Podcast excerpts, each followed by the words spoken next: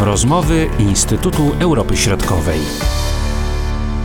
Dlaczego rosyjskie służby specjalne wprowadzały w błąd Władimira Putina, informując o sytuacji na Ukrainie? Rosja miała zająć Ukrainę w kilka dni, a tymczasem wojna trwa już czwarty miesiąc. Nie spodziewano się aż tak silnego oporu i determinacji obrońców. Odpowiedzią na to pytanie jest zrozumienie funkcjonowania systemu decyzyjnego w Rosji, wyjaśnia dr Jakub Olchowski. Powinniśmy chyba spojrzeć z takiej perspektywy bardziej ogólnej i i, i skonfrontować, skonfrontować to z takim dość popularnym twierdzeniem, właściwie mitem, że państwo autorytarne jest lepsze, czy ma, ma przewagę nad państwem demokratycznym w różnych, w różnych kwestiach, że jest sprawniejsze, efektywniejsze, etc. Oczywiście my, żyjąc w demokracji, widzimy jej e, wady, bo tych wad jest e, całe mnóstwo e, i doskonale sobie z tego zdajemy sprawę, ale ta, ta ta kwestia właśnie procesu decyzyjnego i tego, w jaki sposób Rosja zdecydowała o inwazji na Ukrainę i jak to wygląda w ogóle to państwo, jeśli chodzi o, o wnętrze tego państwa, to jest świetny argument obalający ten, ten mit, że, że państwo autorytarne jest efektywne. Bo okazuje się, że, że nie jest, bo okazuje się, i o tym coraz więcej już się mówi, coraz więcej już się pisze, E, że ten proces decyzyjny jest absolutnie patologiczny, jeśli chodzi o, o, o, o państwo rosyjskie. Oczywiście decyzję o inwazji na Ukrainę podjął prezydent, podjął właściwie dyktator, czyli, czyli, czyli Władimir Putin, ale rzecz jasna podjął tę decyzję w oparciu o, o jakieś przesłanki. E, pomijamy, to jest, to jest też temat e, znakomity i, i, i wart wart dyskusji, czyli to, czy y, Władimir Putin jest y, zdrowy psychicznie. To jest odrębna kwestia. Natomiast e, tego nie wiemy, natomiast wszyscy podkreślają i to od wielu lat, że on żyje jednak w swoim świecie. Czy w świecie swoich, swoich wizji, swojej specyficznej percepcji rzeczywistości. I oczywiście ta wizja wpłynęła na e, jego stosunek do Ukrainy, nieukrywany od, od wielu lat. To oczywiście wpłynęło na te decyzje, bo taki był plan chyba od zawsze żeby ta, ta Ukraina została zreintegrowana z, z matuszką, z, z Rosją. Ale e, rzecz jasna, e, decydent, każdy potrzebuje, każdy ośrodek decyzyjny potrzebuje informacji, bo to jest, to jest jedna z podstawowych przesłanek podejmowania decyzji. Skąd brał informacje? Informacje brał od służb specjalnych, które e, Rosja to są, Rosja to są służby specjalne. Tak, tak było y, od dawna i tak, tak jest teraz. Być może teraz jest bardziej niż, y, niż, niż jeszcze niedawno. I okazuje się, i, i o tym właśnie coraz więcej wiemy, że y, Putin i ogólnie ten wąski krąg władzy, złożony notabene, co jest też istotne, z, głównie z kolegów Putina, głównie z byłych kagiebistów, to jest też, e, pamiętajmy, to są ludzie w tym samym wieku mniej więcej, więc wychowani w Związku Radzieckim z tą mentalnością właśnie taką. I oni wszyscy są też obarczeni tym syndromem wersalskim, tak jak Niemcy byli po I wojnie światowej, prawda? Mieli ten syndrom wersalski, no, cios w plecy i, i, i zdrada i tak dalej. Tak samo mają Rosjanie, właśnie te pokolenia, zwłaszcza tych e, kagiebistów, tych czynowników sowieckich, że Zachód rozdarł, zniszczył e, Związek Radziecki i to się nie może powtórzyć trzeba się na nich zemścić. Więc służby specjalne. A okazuje się, że służby specjalne karmiły Putina. Może nawet nie tyle kłamstwami, bo to, to, to może nie jest najlepsze określenie, ale, e, ale fantazjami, czy zupełnie e, rzeczami, czy informacjami, które Putin chciał usłyszeć. Prezydent podejmuje te decyzje na jakiejś podstawie, na podstawie powiedzmy tych fantazji, jak mówimy, służb specjalnych. Y, no i okazuje się, jaka jest rzeczywistość. I, I co? Jest już za późno na wyciąganie konsekwencji, na zawrócenie z tej drogi? Tak to mniej więcej działa? No tak, to mniej więcej działa naj, najwyraźniej, bo kto miałby wyciągać konsekwencje i w stosunku do kogo? To jest kwestia, to jest niestety kwestia systemowa.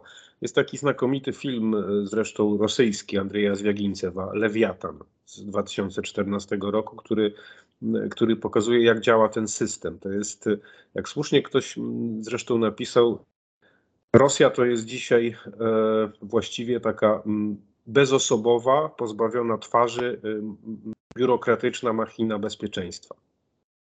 Służby specjalne przenikają każdą dziedzinę życia. Każdy minister, każdy rektor uniwersytetu musi zostać zatwierdzony przez, przez FSB, więc wydawałoby się, że to jest ogromna władza. Tylko problem w tym, że ta władza jest to właśnie lewiatan. To jest taki potwór, który jest na tyle już bezwładny, że działa siłą, trochę, trochę siłą inercji. I no niestety on nie jest skuteczny.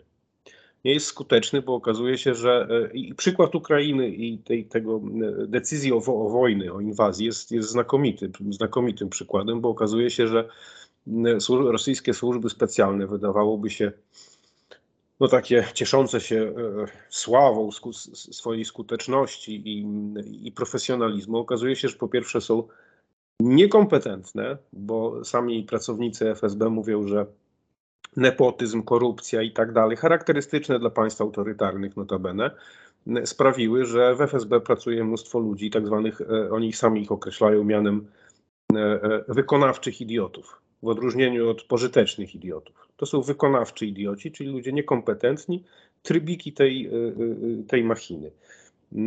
Więc to jest po pierwsze ta, ta, ta ich niekompetencja, a po drugie to jest właśnie kwestia tego, że nie ma przepływu informacji. Czy przepływ informacji jest ograniczony y, w taki sposób, że mm, przepływa ta informacja, która jest zgodna z, y, z wizją wodza?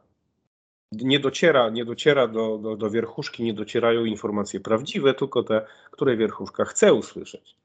A chciała usłyszeć w przypadku Ukrainy, że Ukraina jest słaba, upadająca, że regiony, y, poszczególne regiony Ukrainy nie lubią się z Kijowem, że wystarczy tylko tam tak e, e, popchnąć je trochę, te regiony, i one pójdą w ramiona Rosji.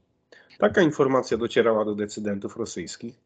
No i mamy to, co mamy. Z naszego przynajmniej punktu widzenia wydaje się, że to jest dobre, dlatego że E, no właśnie, te nieprawdziwe informacje i decyzja podjęta została taka, a nie inna i Rosja poniosła w dużym stopniu porażkę, prawda? Oczywiście nie możemy mówić o końcu wojny i tak dalej, to, do tego to jest bardzo daleko, jak to się zakończy w tej dłuższej perspektywie, ale widać, że te straty na różnych polach, od wizerunkowych po te militarne są bardzo duże, ale z drugiej strony może też to być niebezpieczne. No tak, ten kształt tego, tego państwa, czy, czy właściwie jak nie, niektórzy twierdzą, E, to już nie jest państwo, tylko służby specjalne e, i to w dodatku takie inercyjne, przerośnięte i, i mało efektywne. E, znaczy to nie napawa optymizmem, dlatego że to po pierwsze oznacza, że jakikolwiek zmiana władzy czy, czy przewrót pałacowy w Rosji jest praktycznie niemożliwy. Właśnie z racji takiego, a nie innego kształtu tego systemu. Ale, z drugiej, ale, z drugiej, strony, no to yy, właśnie ewentualna zmiana władzy nie musi oznaczać, że nastąpi radykalna zmiana. Tak, oczywiście. To by przewróciło cały system, a ten system no, jest, y, on jest ogromny i może inercyjny, ale on jest na tyle y, y, potężny, że że trudno go będzie zmienić. Tu Rosja jest niesłychanie scentralizowana i wszystko jest, słowem kluczem jest kontrola. Po rosyjsku to jest nadzór. I, i, I, jak sobie pomyślimy i wyobrazimy sobie, w ilu nazwach rosyjskich różnych organów, róży, różnych instytucji państwowych jest słowo nadzór, Roskom nadzór i tak dalej, to to pokazuje skalę tej kontroli. Kontrola jest wszechogarniająca. Taki system, e, mimo swojej słabości takiej wewnętrznej, w sensie decyzyjnym, on jest niestety niesłychanie trudny do, e, do, do zmiany, do, do, do obalenia, do, do, do zniszczenia. Zresztą nie przypadkiem, bo Putin przez 20 lat budował ten system, właśnie żyjąc w strachu, żeby znowu ktoś nie przyszedł z zewnątrz, jacyś agenci, jacyś tam kontrrewolucjoniści i, no, i, i znowu nie, nie zniszczyli Rosji. Znamienne były słowa Putina sprzed wielu lat, jak został prezydentem, chyba po raz pierwszy, z tego co pamiętam i na spotkaniu z funkcjonariuszami FSB y, powiedział: Panie i panowie, melduję, że Federalna Służba Bezpieczeństwa przejęła Rosję. Oczywiście wszyscy wtedy na sali zaczęli się śmiać, ale to, to była zupełna prawda. Zbuduje się Federalną Służbę Bezpieczeństwa, która liczy, jeśli dobrze pamiętam, ponad czy też około 350 tysięcy funkcjonariuszy. No, to to jest ogromna siła w porównaniu z, z FBI na przykład amerykańskim, który jest pewnie z 10 razy mniejszy. No tak, i, i, i, a, jednocześnie to jest mm, dla porównania to jest trzy razy tyle, ile po, po wojsko polskie.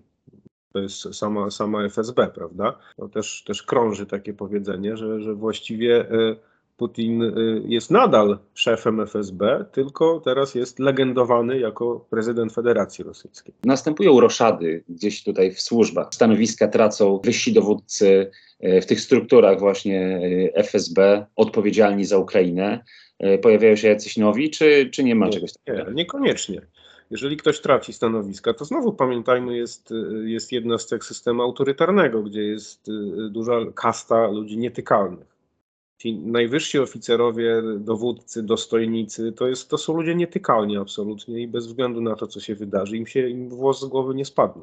To nie jest era stalinowska, y, ale to dlatego, że y, y, to dotyczy oczywiście kolegów Władimira Putina, tych jego najbliższych współpracowników, mniej więcej z tego właśnie pokolenia, którzy znają się często jeszcze z czasów służby w KGB.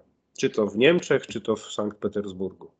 Przypomina mi się taki żart jeszcze z PRL-u, zdaje się, że to w kabarecie pod egidą e, padło i Jerzy Dobrowolski mówił właśnie taki monolog i padło takie stwierdzenie, że jak ktoś kraj zrujnuje, wysyłają go na emeryturę z walizą pełną medali. Tutaj mniej więcej do tego samego to się sprowadza, prawda, że włos z głowy nie spadnie, tylko zostanie ewentualnie przesunięty na inne miejsce, właśnie z walizą pełną medali jeszcze z innymi walizami. Tak, pełnymi y, y, twardej waluty, z tym, że akurat w Rosji to się nazywa ikonostas. Y, Ten, to, co, te, to, to rusztowanie na medale, które noszą na piersi, to jest właśnie ikonostas. To jakie mamy perspektywy, jeśli chodzi o te bliższe i dalsze działania służb rosyjskich wokół Ukrainy, w ramach tego systemu? Ferment wewnątrz Rosji gdzieś tam się pojawia, tylko pamiętajmy, że to nie jest ferment y, y, y, przeciwko wojnie, przeciwko władzy, przeciwko Putinowi, tylko no, przeciwko wojnie w takim sensie, że, że nie chcemy iść na wojnę, bo, bo nie, chcemy, nie chcemy ginąć, ale pamiętajmy, że co do, co do zasady, to jednak politykę zagraniczną obecnych władz Federacji Rosyjskiej jednak popiera większość Rosjan. Oczywiście z przeróżnych, przeróżnie są motywowani i, i przeróżne inspiracje są dla tego poparcia, ale jednak tak jest. Natomiast y, jeśli chodzi o stanowisko oficjalne władz, to mm, no, no, jest dość czytelne, y, biorąc pod uwagę wypowiedzi różnych oficjeli, różnych tych y, ust Kremla. Wszystko idzie z planem. Wszystko idzie zgodnie z planem. Specjalna operacja wojskowa zostanie zakończona. Nie ścigamy się z terminami, jak to mm, jeden z nich zauważył. A więc oni będą kontynuować tę wojnę, dlatego że nie mogą się z niej wycofać. I to jest kolejna różnica między państwem autorytarnym a demokratycznym. Mówił Jakub Olchowski. Marcin Superczyński, do usłyszenia. Były to rozmowy Instytutu Europy Środkowej.